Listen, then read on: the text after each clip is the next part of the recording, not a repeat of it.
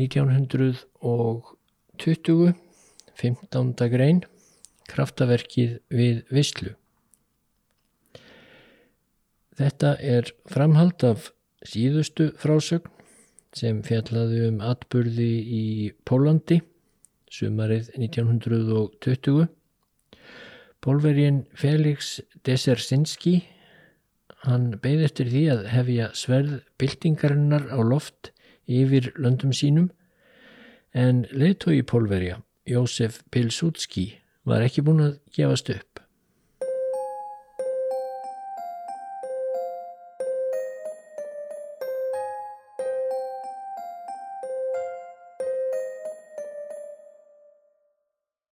Desersinski var auðvitað löngu búin að jafna sig. Auðvitað.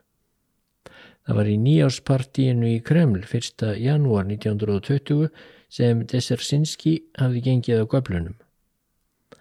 Hann varð dauða drukkin, hann sem nánast aldrei snerti áfengi, allt of strangur við sjálfan sig til að láta slíkt eftir sér. En í það eina sinn hafði hann mist tökin. Ofur ölfi hafði Felix Desersinski yfirmaður leini þjónustunnar slangrað milli félaga sinna í eðstu stjórn kommunistaflokks Rúslands og nú eðstu manna hins nýja kommunistaríkis. Þeir voru þarna allir Lenin, Trotski, Sinovjev, Kamenjev, Lunatjarski, Ríkov, Stalin og Desersinski sturtaði í sig úr hverju staupinu og fætur öðru og heimtaði já beinlinis grátbað á um að taka sig af lífi. Trotski, vinnur minn, viltu taka upp bissuna þínu og skjóta mig? Lenin, gerðu það, fyrirskipaðu að ég verði skotin á færi. Ég á ekki skilið að lifa, enginn á skilið að lifa sem hefur unnið þau viðbjóðslegu og grymdar verk sem ég hef gert. Kamenjef, við erum vinir, viltu drepa mig svo ég fái mína refsingu fyrir allt blóðið á höndum mér.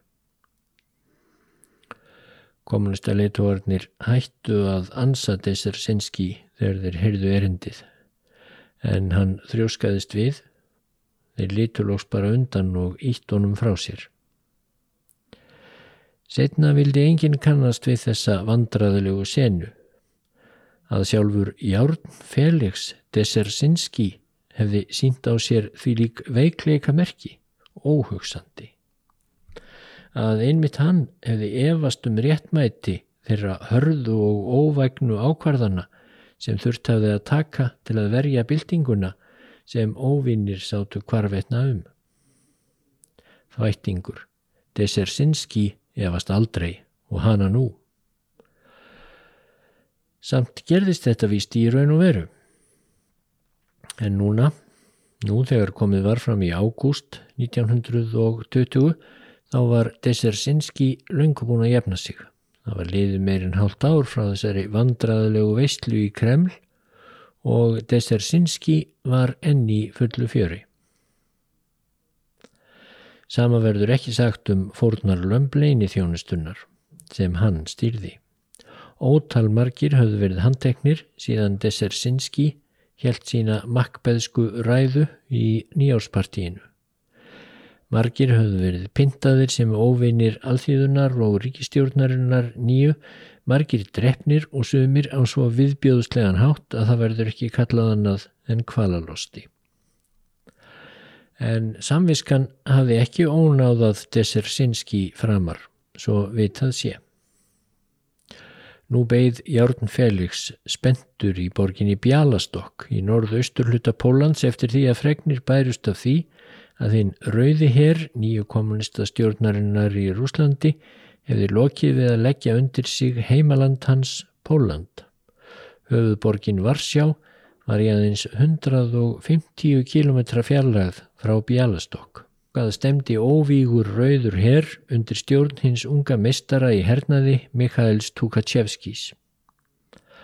Þær fregnir höfðu borist til Bíalastokk að Varsjá væri svo gott sem óvarinn þar sem borgin lúrir við bugðu á anni visslu.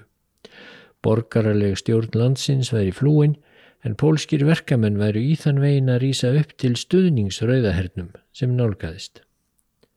Þeir myndu taka Tukachevski fagnandi þegar hann ríði á fáksínum inn í borginna eftir örfáa daga og þá kemi Desersinski á hælunum.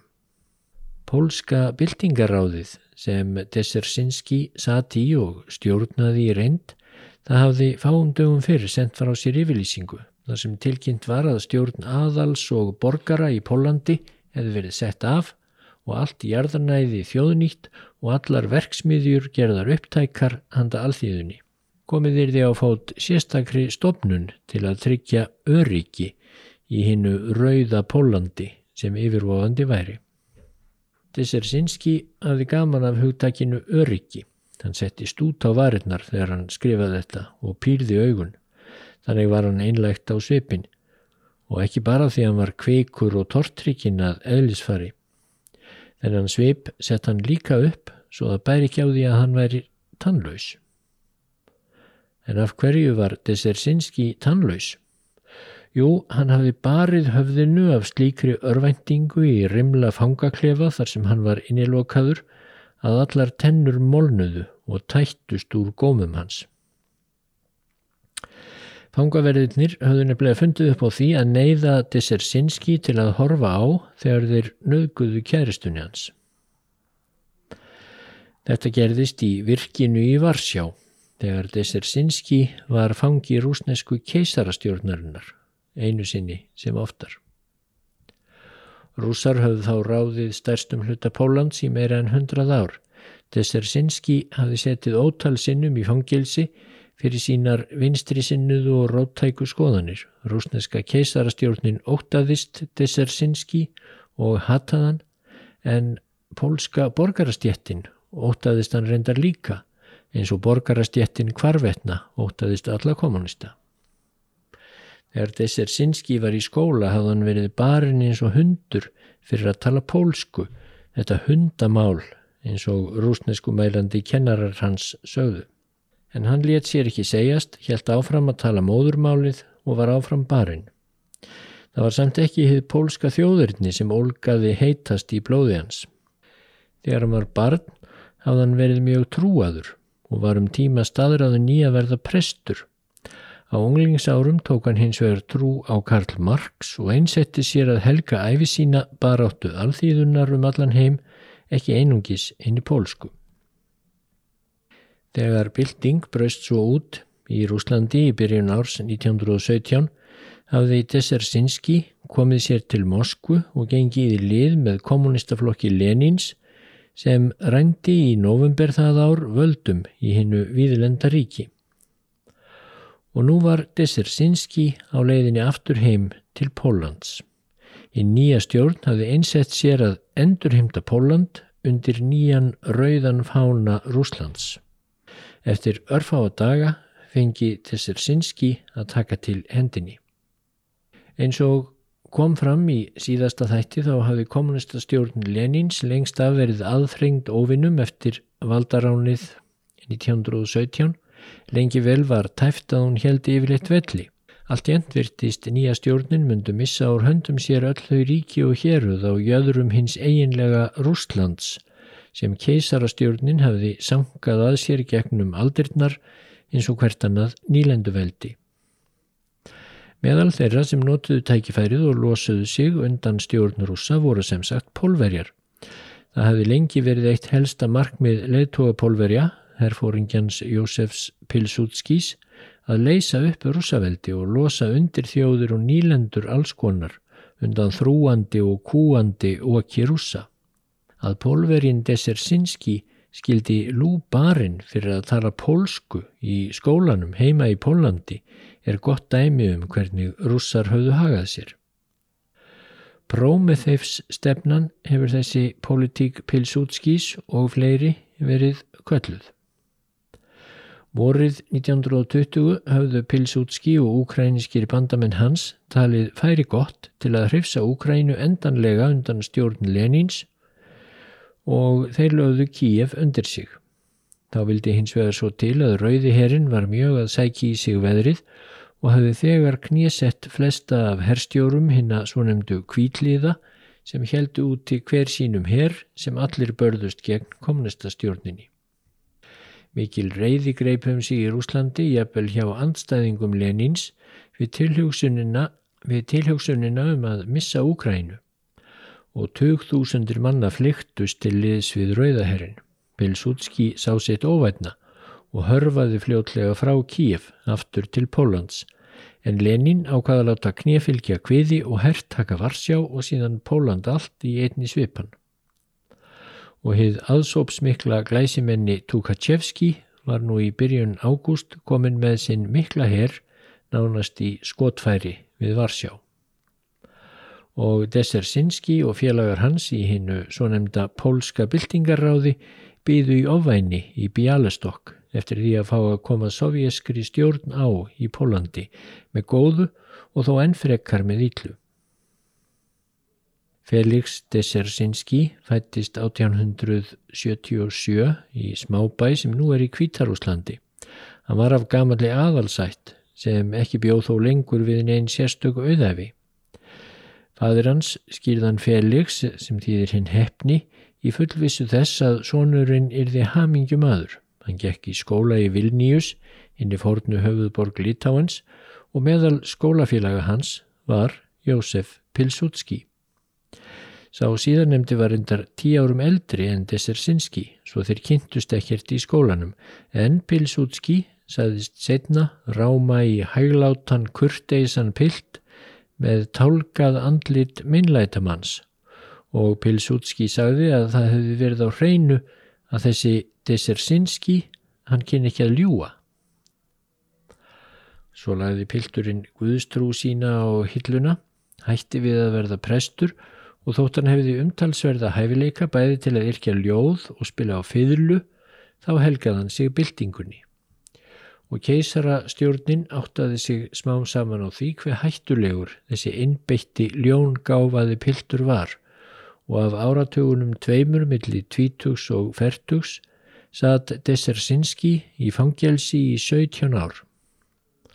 Oftast var hann í hrottalegustu fangelsunum, ömurlegustu fangabúðunum í Sýberju. Líka með hans var allsettur örum eftir pyntingar, húðstrykingar og barsmíðar.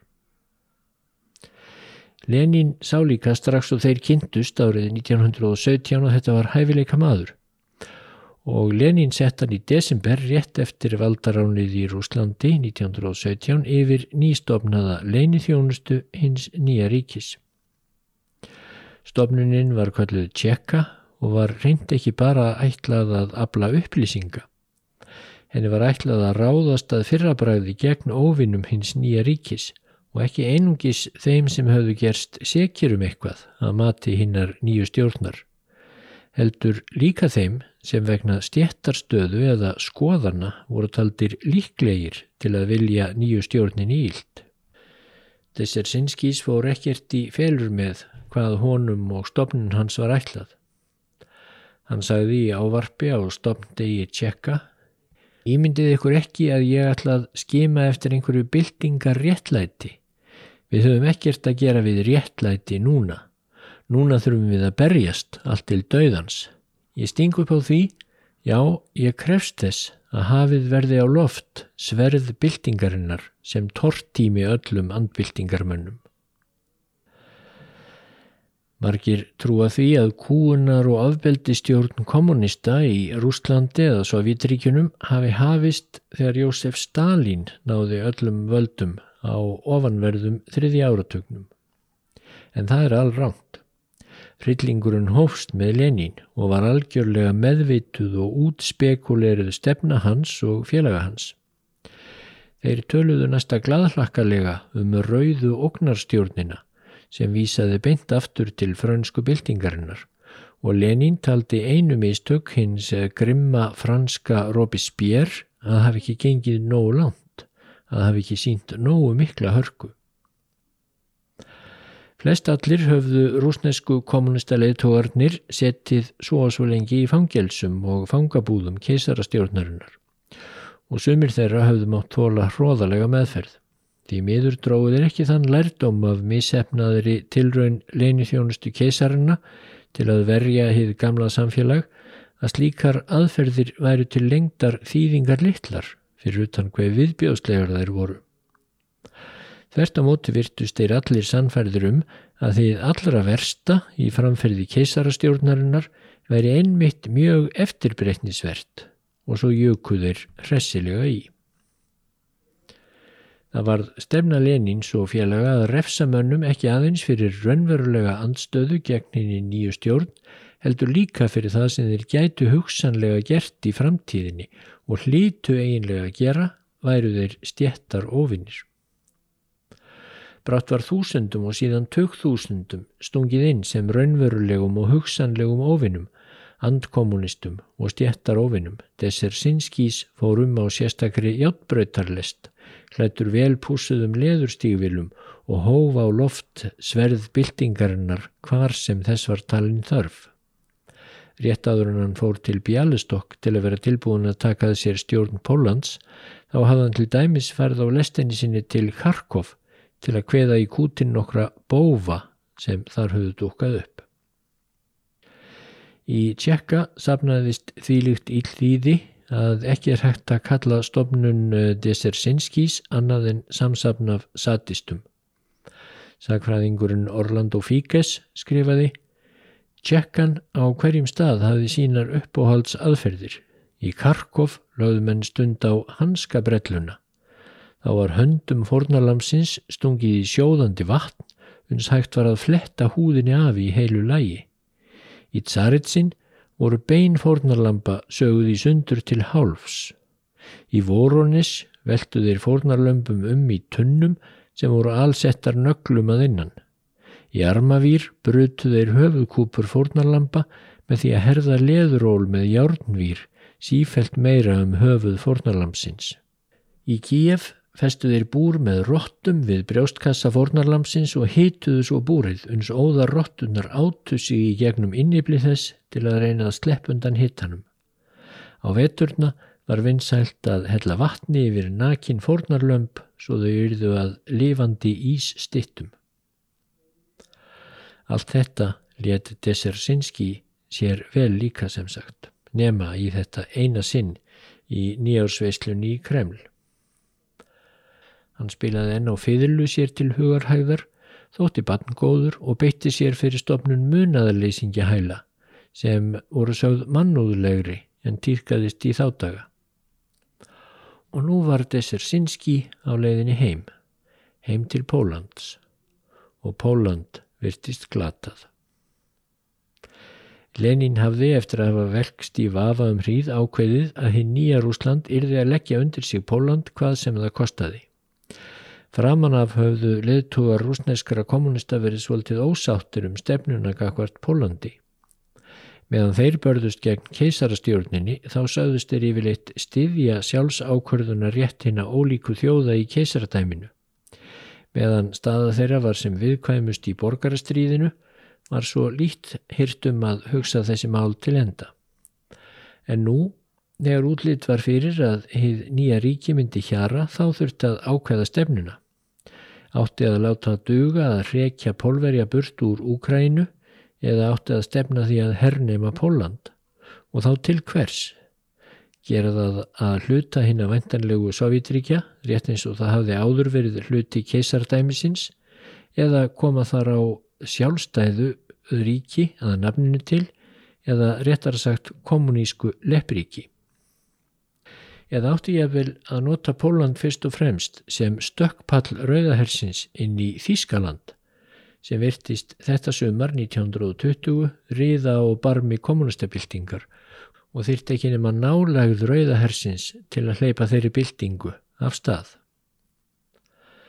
Allt var þetta nokkuð óút kljáð en herin var komin af stað og á sígur braud hvarvetna fór pólski herin Halloka í byrjun ágúst.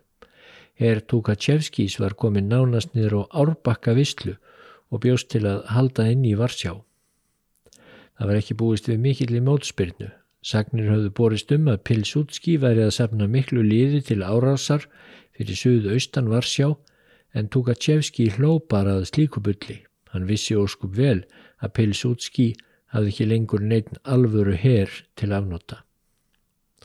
Þvertamóti bjóst Tukachevski við því á hverri stundu að pólskir verkamenn risu upp og hrindu gjörspiltri kúunarstjórn aðals og borgara í Pólandi frá völdum og byðu síðan rauðaherrin velkomin í bæin. Það pyrraði Tukachevski svo litið að síðri hluti hers hans var ekki mættur á staðin. Suðurherrin var undir stjórn Budjónís, erittarliðsfóringja, sem lauti raun stjórn Stalins. Þeir Stalin og Budjóni hafðu virtað vettu í fyrirmæli um að fylgja Tukachevski fast eftir til Varsjár.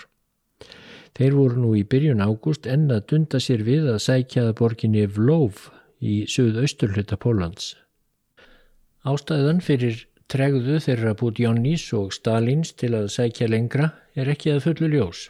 Stalin hafði verið ráðherra eða kommissar þjóðverðnismála allt frá 1917 sem slíkur og sem georgíumadur þá gerði Stalin sér sennilega betri grein fyrir því en aðrir í fórust sveit kommunista hver ólíklegt að var að hinnir stoltu pólverjar myndi ekki leggja allt í sölurnar til að verja strauðahernum. Flestir í fórustu sveitinni byggust við að pólverjar myndi lippast niður þar á meðal og ekki síst Desersinski, en líklega vissi Stalin betur og vildi ekki vera nærri ef eitthvað kemi upp á. Og vissulega kom eitthvað upp á. Þann 14. ágúst réðist pólskur herr yfir Visslu við Módlín, spölkorn fyrir norðan Varsjá. Þetta kom rauðahernum í opna skjöldu.